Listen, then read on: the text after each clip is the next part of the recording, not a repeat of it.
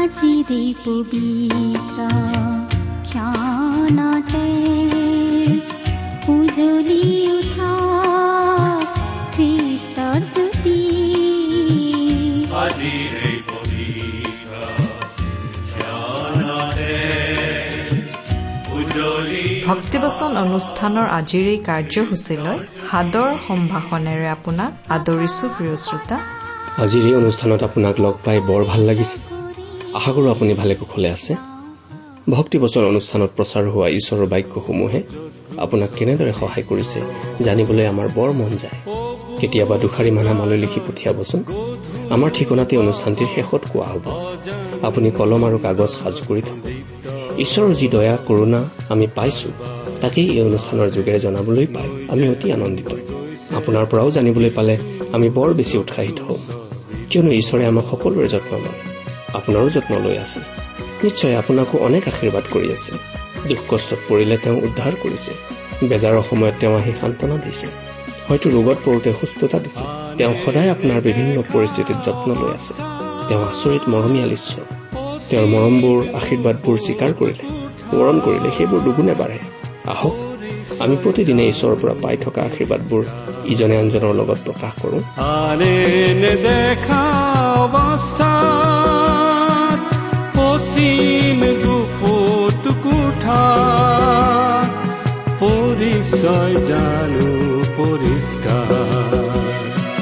স্বৰূপ লুকুৱা মুখা পিন্ধোৱা নাটকৰ ভদ্ৰ চৰিত্ৰ নায়ক খনায়ক সকলো নগ্ন যিচু হ'ল যত্ৰু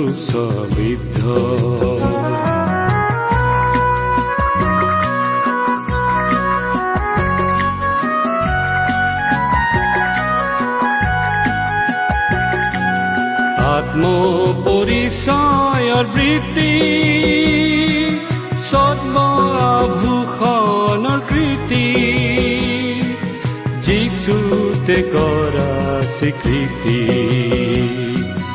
আত্মপৰিচয়ৰ বৃত্তি সদ্মভূষণৰ কৃতি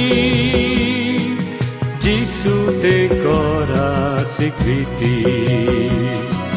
তেওঁহে পাৰিব পৰাক তুলিব তেওঁৰ তেজহে কৰে শুদ্ধ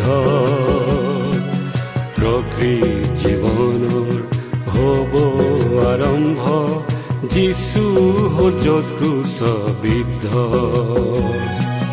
সবুজ প্ৰাণৰ গধুৰ পাপত অজান মন্দৰ বন্দিত কালবাৰীৰ ফালে নৈ যেন বৈ গৈছে যিচু হ'ল যতু ছবিদ্ধ যিচু হ'ল যতু ছবিদ্ধ পৰিত্ৰাতা আমাৰ প্ৰভু যীশুখ্ৰীষ্টৰ নামত নমস্কাৰ প্ৰিয় শ্ৰোতা। আপোনাৰ গা মন প্ৰাণ ভালনে বাৰু? এৰা ভাল আৰু বেয়া সকলো প্ৰভুৰে ইচ্ছা। মানুহৰো যে কথা আৰু। মানুহে এফালে চন্দ্ৰলৈ উৰা মাৰি গৈ তাত অৱতৰণ কৰি আহিছে আনফালে সেই মানুহে নিজৰ গাত নোম এডালকে গজাব নোৱাৰে। আপোনাৰ নিচিনা আৰু মোৰ নিচিনা সেই মানুহকে আকৌ ঈশ্বৰে লৈ বৰ ব্যস্ত হৈ পৰে। তেওঁ বৰ ভাল পায় আৰু সেইকাৰণেই তেওঁ নিজৰ একমাত্ৰ পুত্ৰ আমাৰ পৰিত্ৰাতা প্ৰভু যীশুখ্ৰীষ্টক এই জগতলৈ পঠাই দিলে যাতে আমি নষ্ট নহওঁ কিন্তু অনন্ত জীৱন পাওঁ। সেইকাৰণে প্ৰিয় শ্ৰোতা আমাৰ জীৱন সকলো সময়তে তেওঁৰ হাততে আছে। আপুনি নিশ্চয় আমাৰ অনুষ্ঠান নিয়মীয়াকৈ শুনি আহিছে। ইয়াৰ আগৰ অধ্যয়নত আমি কলচীয়া পত্ৰৰ এক অধ্যায়ৰ তিনি পদৰ পৰা আঠ পদলৈ অধ্যয়ন কৰিলো। আজি অধ্যয়ন কৰিবলৈ লৈছো এক অধ্যায় ন পদৰ পৰা চৈধ্য পদলৈকে। অধ্যয়নত ধৰাৰ পূৰ্বে আহক প্ৰভুৰ গুৰিত প্ৰাৰ্থনা কৰো। হে সৰগ নিবাসী পৰম পবিত্ৰ পিতা আমি আপোনাৰ জীৱনদায়ক বচনৰ অধ্যয়নৰ যোগেদি আমাৰ আত্মাৰ আহাৰ আৰু জল ভোজন আৰু পাণ কৰিবলৈ পাই আপ্যায়িত হৈছো প্ৰভু। আপোনাত বল আৰু শক্তি লাভ কৰিছো। আপোনাৰ বচনৰ বাবে আমি আপোনাৰ প্ৰতি কৃতজ্ঞ হৈছো। ধন্যবাদ প্ৰভু আপোনাক। ধন্য হওক আপোনাৰ নাম। এতিয়া আপোনাৰ চৰণত প্ৰাৰ্থনা ৰাখিছো পিতা। আত্মিক জ্ঞান আৰু বুদ্ধিৰ সম্বন্ধে ঈশ্বৰৰ ইচ্ছা বিষয়ক তত্বজ্ঞানেৰে যেন পৰিপূৰ্ণ হ'ব পাৰো আৰু সেই তত্বজ্ঞানত বাঢ়ি সকলো সৎকৰ্মত বলৱন্ত যেন হ'ব পাৰো আৰু আপোনাক সন্তুষ্ট কৰিব পৰাকৈ আপোনাৰ যোগ্য ৰূপে এই জগতত আচৰণ কৰিব পাৰো। তাৰ বাবে আপুনি আপোনাৰ আশীৰ্বাদ আমালৈ দান কৰক। যীশুৰ নামত এই প্ৰাৰ্থনা কৰো। আমেন। প্ৰিয় শ্ৰোতা কলচীয়া এক অধ্যায় ন পদৰ পৰা চৈধ্য পদত আমি পৌলৰ এটা প্ৰাৰ্থনা পাওঁ। পৌলৰ এই প্ৰাৰ্থনা কলেচিয়া মণ্ডলীত থকা ভাই ভনীসকলৰ কাৰণে কৰা প্ৰাৰ্থনা। শাস্ত্ৰত থকা প্ৰাৰ্থনাবিলাকৰ ভিতৰতে ই এটা বৰ সুন্দৰ প্ৰাৰ্থনা। এই প্ৰাৰ্থনাই মণ্ডলীত প্ৰয়োজনীয় সকলো বিষয়কে সামৰি লৈছে। পৌলে ইয়াত কি প্ৰাৰ্থনা কৰিছে সেইটো ভালদৰে বুজিবলৈ চেষ্টা কৰি অধ্যয়ন কৰিলে আমাৰ বাবে বৰ লাভজনক হ'ব। খ্ৰীষ্টীয় লোকসকলৰ মাজত কেতিয়াবা কেতিয়াবা বৰ আমোদজনক কাণ্ডবোৰ ঘটে। কেতিয়াবা কোনো কোনো খ্ৰীষ্টীয় লোকে এনে প্ৰাৰ্থনা কৰে। আমি আপোনাৰ চৰণত প্ৰাৰ্থনা কৰো হে প্ৰভু আমাৰ পাপ অপৰাধবোৰ আপুনি ক্ষমা কৰক আৰু প্ৰভু যীশুৰ তেজত ধুই আমাক বিধৌত কৰক। আমাক আপোনাৰ ৰাজ্যত গ্ৰহণ কৰক। আপোনাৰ পবিত্ৰ আত্মা আমাক দিয়ক আৰু এতিয়া শেষত আপোনাৰ চৰণত প্ৰাৰ্থনা কৰো যেন আপুনি আমাক পৰিত্ৰাণ কৰে। এই প্ৰাৰ্থনাত যিবিলাক বস্তুৰ কাৰণে অনুৰোধ বা প্ৰাৰ্থনা কৰা হল সেইবোৰ যে প্ৰভুৱে আমাক তেওঁত বিশ্বাস কৰিবৰ সময়তে দিছে সেই কথা আপুনি জানেনে প্ৰিয় শ্ৰোতা? ঈশ্বৰে আমাৰ পাপ ইতিমধ্যেই ক্ষমা কৰিছে। আমি প্ৰভুৰ তেজত ইতিমধ্যেই সুচী হৈছো। তেওঁৰ প্ৰিয় পুত্ৰৰ ৰাইজত তেওঁ আমাক ইতিমধ্যেই গ্ৰহণ কৰিছে। তেওঁ আমাক ইতিমধ্যেই তেওঁৰ পবিত্ৰ আত্মাৰে মোহৰ মাৰিছে। ইফিচিয়া এক অধ্যায় তেৰ পদ। কিন্তু যদি আমাক তেওঁৰ আত্মাৰে মোহৰ মৰাই হোৱা নাই তেন্তে তেওঁত আমাৰ একো ভাগ নাই। আমি তেওঁৰ নহওঁ। ৰুমিয়া আঠ অধ্যায় ন পদ। যেতিয়া তেওঁৰ শুভবাৰ্তাত বিশ্বাস কৰি আমি তেওঁৰ শৰণাগত হলো সেই মুহূৰ্তৰে পৰা আমি পৰিত্ৰাণপ্ৰাপ্ত লোক হলো। গতিকে এই যিবোৰ বস্তু আমি ইতিমধ্যেই পালো সেইবোৰৰ কাৰণে প্ৰাৰ্থনা কৰাতকৈ সেইবোৰৰ কাৰণে আমি তেওঁক ধন্যবাদ জনাই তেওঁৰ নামৰ প্ৰশংসাহে কৰা উচিত। এতিয়া আমি পৌলে কলচীয় খ্ৰীষ্টীয় লোকসকলৰ কাৰণে কৰা সেই সুন্দৰ প্ৰাৰ্থনাটো চাওঁ হওক। এই প্ৰাৰ্থনাটোত তেওঁ প্ৰথমতে কেইবা এটা বিষয়ৰ বাবে অনুৰোধ জনাইছে আৰু অৱশেষত প্ৰভুৱে আমাৰ বাবে যি যি ইতিমধ্যে কৰিলে তাৰ বাবে তেওঁক ধন্যবাদ জনাইছে। এতিয়া কলচীয়া এক অধ্যায় ন আৰু দহ পদ দুটা পাঠ কৰিছো শুনক। এইকাৰণে সেই কথা শুনা দিনৰে পৰা আমি তোমালোকৰ নিমিত্তে প্ৰাৰ্থনা কৰিবলৈ এৰা নাই। কিন্তু তোমালোকে যেন সকলো আত্মিক জ্ঞান আৰু বুদ্ধিৰ সম্বন্ধে ঈশ্বৰৰ ইচ্ছা বিষয়ক তত্ব জ্ঞানেৰে পৰিপূৰ্ণ হোৱা আৰু তেওঁৰ সেই তত্ব জ্ঞানত বাঢ়ি যোৱা। এই বাক্যষাৰ ইংৰাজীত যেনে আছে তালৈ চাই অসমীয়া অনুবাদ সুবিধাজনক হৈছে বুলি মনে নধৰে। পৌলে ইয়াত যিটো বিষয়ৰ কাৰণে প্ৰভুৰ গুৰিত প্ৰাৰ্থনা কৰিছে সেয়া হৈছে কলচিত মণ্ডলীৰ খ্ৰীষ্টীয় লোকসকল যেন জ্ঞানেৰে পৰিপূৰ্ণ হয়। কাৰণ তেতিয়া তাত জ্ঞানবাদী নামৰ যি এটা দলে দৰ্শনবাদ প্ৰচাৰ কৰি মণ্ডলীৰ জীৱন যাপনত বিঘিনি জন্মাইছিল তেওঁলোকৰ বিৰুদ্ধে থিয় হ'ব আৰু তেওঁলোকক ঠিক উত্তৰ দিব পাৰিবলৈ তেওঁলোকৰ জ্ঞানৰ প্ৰয়োজন হৈছিল। কিন্তু পৌলে সেই প্ৰাৰ্থনাত কৈছে যে এই জ্ঞান ঈশ্বৰৰ ইচ্ছাৰ দৰে যেন প্ৰজ্ঞা আৰু আত্মিক জ্ঞানৰ জ্ঞান হয়। আমাৰ অসমীয়া অনুবাদখিনি বৰ দুৰ্বৈধ্য ধৰণৰ হৈছে। আমাৰ যিটো তত্ব জ্ঞান বোলা হৈছে সেইটো ইংৰাজীত উইজডম বোলা হৈছে। কিন্তু ইংৰাজীৰ এই উইজডম শব্দটো আমাৰ অসমীয়া ভাষাৰ বাইবেলত কেৱল এটা শব্দত অনুবাদ হোৱা নাই। নহলে উইজডম বা অসমীয়াতে প্ৰজ্ঞা বোলা শব্দটো এই কলচীয়া পত্ৰখনত ছয়বাৰ উল্লেখ কৰা হৈছে। প্ৰিয় শ্ৰোতা বাক্য গাঁথনিৰ মহিমাৰ কাৰণে ইংৰাজী ভাষাৰ কলচীয়া এক অধ্যায় ন পদৰ কথা কিছু আমাৰ অসমীয়া ভাষাৰ বাইবেলৰ দহ পদতো সোমালহি। গতিকে ইয়াৰ আগতে পাঠ কৰোতে ন আৰু দহ পদ বুলি পাঠ কৰিবলগীয়া হৈছে। গতিকে দহ পদটোৰ বাকীখিনিৰ কথাৰ কাৰণে আকৌ পাঠ কৰিছো শুনক। আৰু তত্বজ্ঞানত অৰ্থাৎ প্ৰজ্ঞাত বাঢ়ি সকলো সৎকৰ্মত ফলৱন্ত হৈ আৰু আনন্দেৰে সৈতে সম্পূৰ্ণ সহন আৰু চিৰসহিষ্ণুতাৰে অৰ্থে তেওঁৰ প্ৰতাপৰ পৰাক্ৰম অনুসাৰে সকলো শক্তিৰে শক্তিমন্ত হৈ সকলোভাৱে সন্তুষ্ট কৰিবৰ অৰ্থে যেন প্ৰভুৰ যোগ্যৰূপে আচৰণ কৰা এনে যাচনা কৰি আছো। দহ পদৰ বাকী অংশৰ লগতে এঘাৰ পদো পাঠ কৰিলো। আমি ন পদতে ইতিমধ্যে পাই আহিলো যে পৌলে কলচীৰ খ্ৰীষ্টীয় লোকসকলৰ কাৰণে প্ৰাৰ্থনা কৰি ঈশ্বৰৰ গুৰিত খাটিছিল যেন তেওঁলোক জ্ঞানেৰে পৰিপূৰ্ণ হয়। এতিয়া দহ আৰু এঘাৰ পদত পাওঁ পৌলে আৰু চাৰিটা অনুৰোধ প্ৰভুৰ চৰণত ৰাখিছে। দ্বিতীয় অনুৰোধটোত পাওঁ পৌলে প্ৰাৰ্থনা কৰিছে যেন কলচীৰ খ্ৰীষ্টীয় লোকসকল জ্ঞানত বৃদ্ধি পায়। কোনো খ্ৰীষ্টীয় লোক বন্ধ পানীৰ নিচিনা বা পয়া লগা সন্তানৰ নিচিনা হ'ব নালাগে। তেওঁলোক সক্ৰিয় আৰু কৰ্মপটু হবলৈ পাৰ্থিৱ আৰু আত্মিক জ্ঞানত বৃদ্ধি পাই থাকিব লাগে। আজি অধিক ভাগ খ্ৰীষ্টীয় লোকসকলৰ জীৱনত জ্ঞানৰ দুৰ্ঘুৰ অভাৱ দেখা যায়। বহু ক্ষেত্ৰত পাৰ্থিৱ জ্ঞানতকৈ বাইবেল শাস্ত্ৰীয় জ্ঞানত তেওঁলোকক অধিক পাছ পৰি থকা দেখা যায়।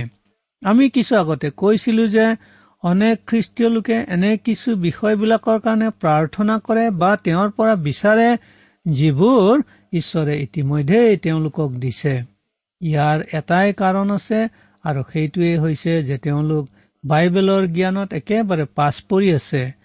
এইটো কাৰণতো আমি পৰম গীতত পাই অহা সেই দুষ্ট আৰু ধূৰ্ত সৰু সৰু শিয়ালবোৰে পৰৰ বাৰীত সোমাই আঙুৰৰ ফল খাই নিশেষ কৰাৰ দৰে পৰৰ মণ্ডলীত সোমাই সিজা শাকত নিমখ দি শাকখিনি অখাদ্যময় কৰি তোলে। পৰৰ ছাগলী চুৰ কৰি নি নিজৰ ভোজ পাতে।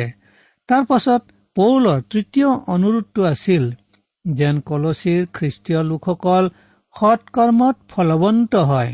কাৰণ আমি জোহন পোন্ধৰ অধ্যায়ত পাওঁ যে আমি খ্ৰীষ্টীয় লোকসকল ফল বহন কৰোতা বৃক্ষৰ ডাল।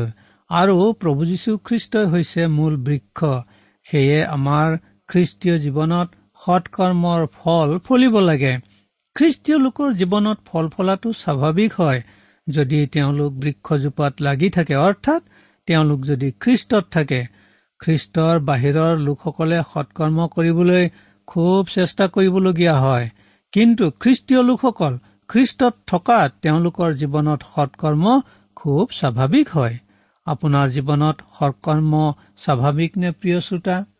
যিটো চতুৰ্থ বিষয়ৰ কাৰণে পৌলে প্ৰাৰ্থনা কৰিছে সেয়া হৈছে কলচীৰ খ্ৰীষ্টীয় লোকসকল যেন শক্তি আৰু পৰাক্ৰমত শক্তিমন্ত হ'ব পাৰে। এই শক্তি আৰু পৰাক্ৰম ঈশ্বৰৰ পৰাহে কেৱল আহে আৰু পবিত্ৰ আত্মাইহে ইয়াক যোগায়। এই শক্তি আৰু পৰাক্ৰম বীৰৰ দৰে যুঁজিবলৈ নহয় কিন্তু অতি জ্ঞানীৰ দৰে প্ৰভুৰ সন্তুষ্টি আৰু ইচ্ছাৰ দৰে সকলো ঢৌ ধুমুহা আৰু বিপদ বিঘিনি সহন কৰি যাবলৈ। কাৰণ কাল শত্ৰু ছৈতানে যিহেতু সদায়েই প্ৰভুৰ লোকৰ সৈতে ফেৰ পাতি যাব ফান পাতিব সেয়ে খ্ৰীষ্টীয় লোকৰ বাবে খ্ৰীষ্টীয় জীৱন যাপনত অনেক বাধা বিঘিনি বা বিভিন্ন ধৰণৰ সমস্যাৰ সন্মুখীন হবই। সেইবোৰত যেন খ্ৰীষ্টীয় লোকে ধৈৰ্য নেহেৰুৱাই প্ৰিয় শ্ৰোতা এই ক্ষেত্ৰত আপোনালোকৰ এই অযোগ্য দাসে স্বীকাৰ কৰো যে পৰক এই পৰামৰ্শ দিয়া অৰ্থাৎ ধৈৰ্যশীল হবলৈ কোৱা অতি সহজ। কিন্তু নিজৰ বেলিকা যেতিয়া কোনো সমস্যা আহি পৰে তেতিয়া ধৈৰ্য ধৰাটো মোৰ পক্ষে বৰ টান হয় বৰ টান পাওঁ। এই ক্ষেত্ৰত মই বাৰে বাৰে অকৃত কাৰ্য হৈছো। সেয়ে এই ক্ষেত্ৰত এতিয়া পৰক পৰামৰ্শ দিবলৈকো মোৰ ভয় লাগে। অৱশ্যে মই ধৈৰ্য ধৰিব নোৱাৰাৰ কাৰণেই যে খ্ৰীষ্টীয় লোকক এই গুণটো নালাগিব সেইটো নহয়। কাৰণ মই যদি পৰা নাই তেন্তে সেয়া মোৰ দুৰ্বলতাৰ কাৰণেই পৰা নাই। পবিত্ৰ আত্মাই এই শক্তিৰ যোগান ধৰে। মই তেওঁৰ পৰা সেই শক্তি বিচাৰি নোলোৱাৰ বাবে সেই কথাত ময়েই দায়বদ্ধ। আন কোনো নহয় আৰু হ'ব নোৱাৰে। কিন্তু খ্ৰীষ্টীয় জীৱনত ধৈৰ্য ধৰা এই শক্তি লাগিবই। পৌলে জানিছিল সমস্যাসমূহৰ সন্মুখত ধৈৰ্য ধৰিবলৈ কিমান শক্তিৰ প্ৰয়োজন। ইয়াত সেয়ে পৰাক্ৰমৰো প্ৰয়োজন হয়। পৰাক্ৰম আৰু শক্তি ঈশ্বৰৰ পৰা আহিব। এই পৰাক্ৰম আৰু শক্তি পবিত্ৰ আত্মাই যোগান ধৰিব। ই বৰ প্ৰয়োজন। সেয়ে কলচীয়া মণ্ডলীৰ ভাই ভনীসকলে যেন এই শক্তি পায় তাৰ কাৰণে পৌলে প্ৰাৰ্থনা কৰিছিল। তাৰ পাছত পঞ্চম বিষয়টো পৌলে প্ৰাৰ্থনা কৰিছিল আৰু সেয়া আছিল প্ৰভুৰ যোগ্য আচৰণ কৰা। ইয়াৰ মানে হৈছে যে যি আচৰণ কৰা যায় সি প্ৰভুৰ যোগ্য আচৰণ হ'ব লাগিব। তেওঁ সন্তুষ্ট হ'ব পৰা বিধৰ আচৰণ হ'ব লাগিব। য'ত হয় তাত হয়েই হ'ব লাগিব। আৰু য'ত নহয় তত নহয়েই বুলি ক'ব পৰা বিধৰ আচৰণ হ'ব লাগিব। মানুহৰ ইচ্ছাৰ দৰে মানুহৰ বশত আচৰণ কৰা আচৰণ হ'ব নালাগিব। তাত হীনমন্যতা থাকিব নালাগিব আৰু কোনো আপোচ নচলিব। মানুহৰ পৰা ঈশ্বৰে বিচৰা এই মহৎ বিষয় ঈশ্বৰে তাকেই বিচাৰিব লাগিব কাৰণ তাতকৈ অকণো কম ঈশ্বৰে গ্ৰহণ কৰিব নোৱাৰে।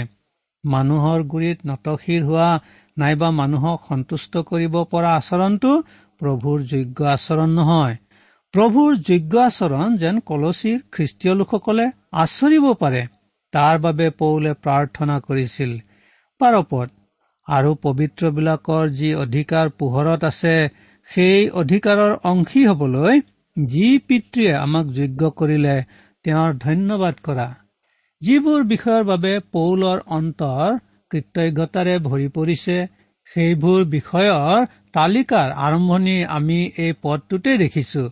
আমাৰ সকলো প্ৰাৰ্থনা কৃতজ্ঞতাৰে ভৰা হ'ব লাগে। সাধু আৰু সন্ত লোকসকলৰ যি অধিকাৰ পোহৰত আছে সেই অধিকাৰৰ অংশীদাৰ হবলৈ যি পিতৃ ঈশ্বৰে আমাক যোগ্য কৰিলে সেই পিতৃ ঈশ্বৰৰ প্ৰতি আমাৰ অন্তৰ কৃতজ্ঞতাৰে ভৰি থাকিব লাগে। সাধু আৰু সন্তসকলৰ কি অধিকাৰ আছে? অনন্ত জীৱন অনন্ত শান্তি আৰু সৰগবাসী হোৱাৰ অধিকাৰ সৰগত আছে। সেই সৰগ পোহৰৰ দেশ। সেয়ে কবিয়ে গাইছে পোহৰৰ দেশৰে সন্তান আমি নিতে পোহৰত ফুৰিম। আৰু প্ৰভু যীশুখ্ৰীষ্টত বিশ্বাস কৰা যি আমি আমিয়েই সাধু আমিয়েই সন্ত আৰু আমিয়েই পবিত্ৰ লোক।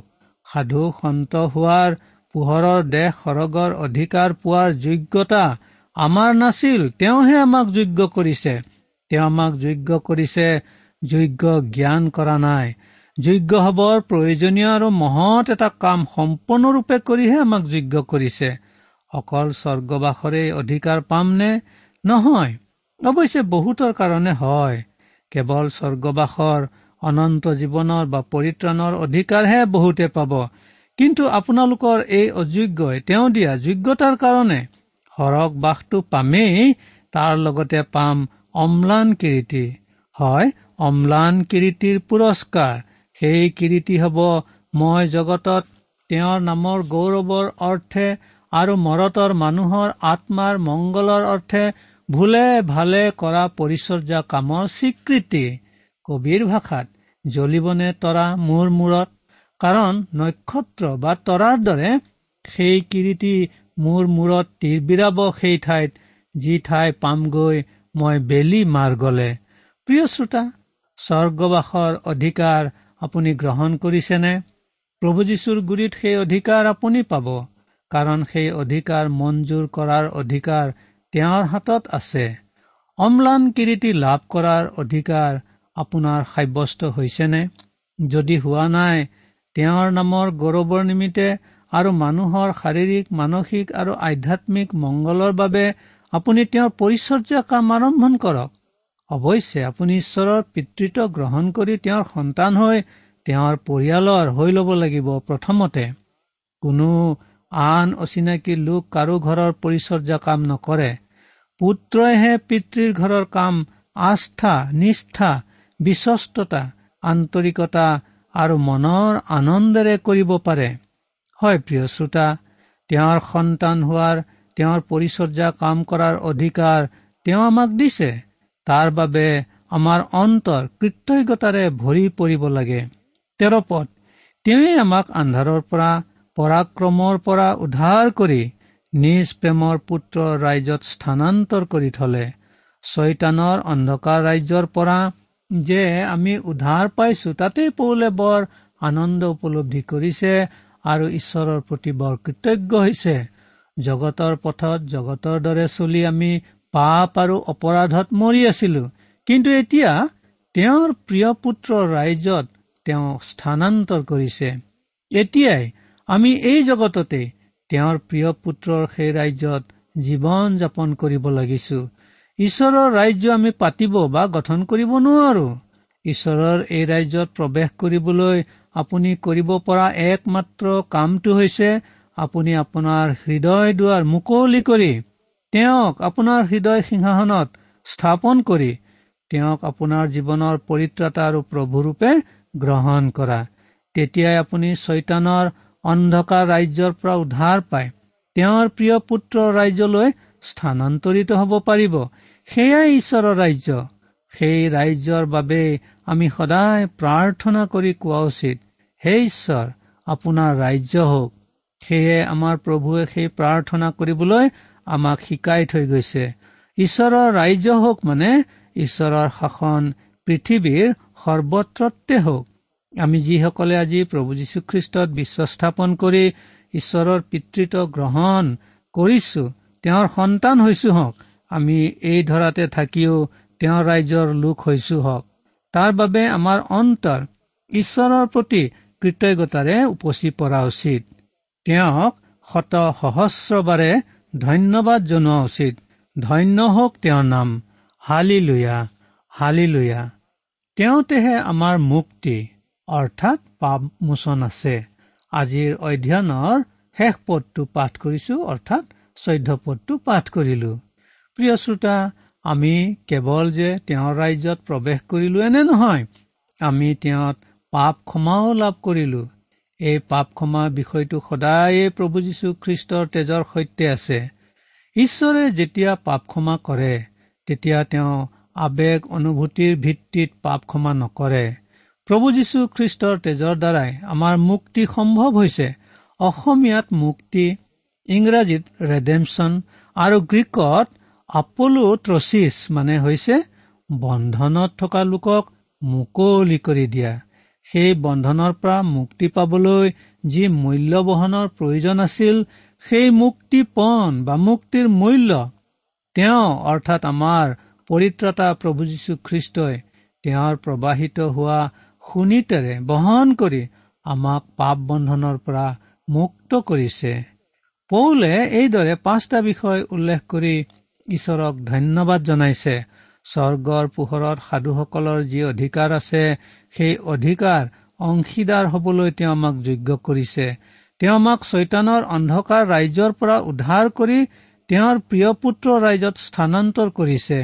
ঈশ্বৰে আমাক খ্ৰীষ্টত মুক্তিদান কৰিছে আৰু তেওঁৰ অৰ্থাৎ খ্ৰীষ্টৰ তেজৰ দ্বাৰাই আমাৰ পাপ ধুই আমাক নিকা কৰিছে আমাৰ পাপ মোচন কৰিছে। এইবোৰৰ কাৰণে জানো আমি প্ৰাৰ্থনা কৰিব লাগে? এইবোৰ দেখোন আপুনি আৰু মই তেওঁত বিশ্বাস কৰিবৰ দিনাই তেওঁ আমাক দান দিছে। কিন্তু পৌলৰ দৰে এইবোৰৰ কাৰণে আমি ঈশ্বৰক পাৰো মানে ধন্যবাদ দিব লাগে। এবাৰ এটা ঘটনা ঘটিছিল। আপোনালোকৰ এই অযোগ্য দাসে এখন মণ্ডলীলৈ যাবলগীয়া হৈছিল। গৈছিলো ঠিকেই কিন্তু গৈ পোৱাত কিছু পলম হৈছিল। মণ্ডলীৰ ভাই ভনী ডেকা গাভৰু আৰু ল'ৰা ছোৱালী সকলোৱে একান্ত মনেৰে প্ৰাৰ্থনা কৰিছিল। তেতিয়া মই মনে মনে গৈ গীৰ্জাৰ ভিতৰত সোমাই এটা আসনত বহি পৰিছিলো। সমাজে প্ৰাৰ্থনা কৰিয়েই আছিল যে ঈশ্বৰে মোক তেওঁলোকৰ মাজলৈ নিয়ে। মই সোমোৱা কথাটো দুৱাৰ মুখত বহা এগৰাকী ভাইয়ে দেখিছিল। সেয়ে মোৰ কাৰণে কৰা প্ৰাৰ্থনাৰ অন্ত পেলাবলৈ তেওঁ ডাঙৰকৈ আমেন আমেন বুলি এক প্ৰকাৰ চিঞৰিছিল। ৰাইজ অবাক হৈছিল সকলোৱে প্ৰাৰ্থনা বন্ধ কৰিছিল। ভাইগৰাকীয়ে কৈছিল তেখেত কেতিয়াবাই আহিল আৰু আহি পোৱা মানুহজনৰ কাৰণে আমি প্ৰাৰ্থনা কৰি তেখেতক আনি দিবলৈ ঈশ্বৰক ধৰি আছো।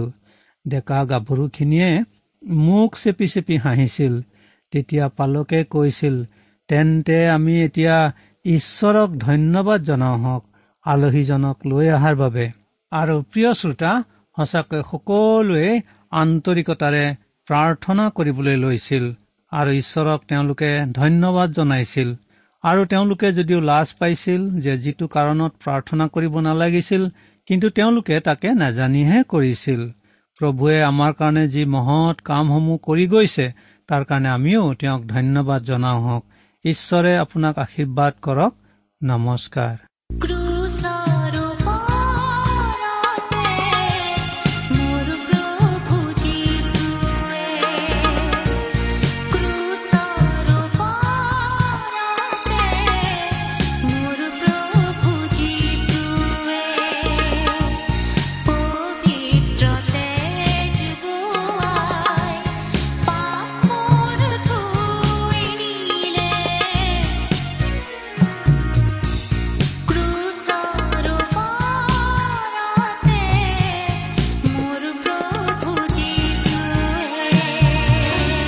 ইমান পৰে আপুনি ঈশ্বৰৰ বাক্যৰ পৰা শিক্ষা শুনিলে। এই বিষয়ে আপোনাৰ মতামত জানিবলৈ পালে আমি নথৈ আনন্দিত হ'ম।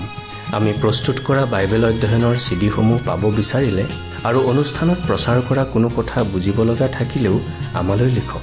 আমাৰ যোগাযোগৰ ঠিকনা ভক্তিবচন ট্ৰান্সৱৰ্ল্ড ৰেডিঅ' ইণ্ডিয়া ডাক বাকচ নম্বৰ সাত শূন্য গুৱাহাটী সাত আঠ এক শূন্য শূন্য এক।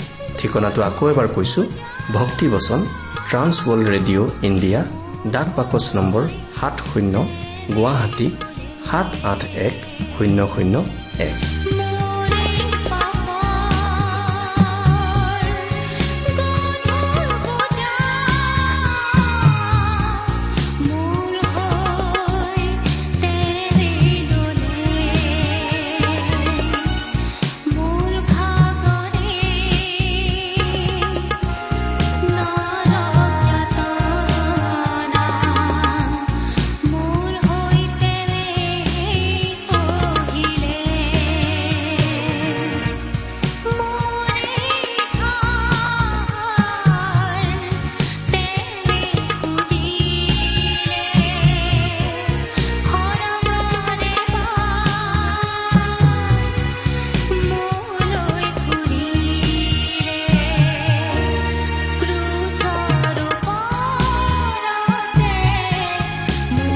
আমাৰ ইমেইল এড্ৰেছটো হৈছে Assamese T TV at the rate radio' eight eight two dot com আমাৰ website W W W dot T W R dot in আপুনি টেলিফোনৰ মাধ্যমেৰেও আমাক যোগাযোগ কৰিব পাৰে। আমাৰ টেলিফোন নম্বৰটো হৈছে nine eight five four zero' four zero' eight eight nine.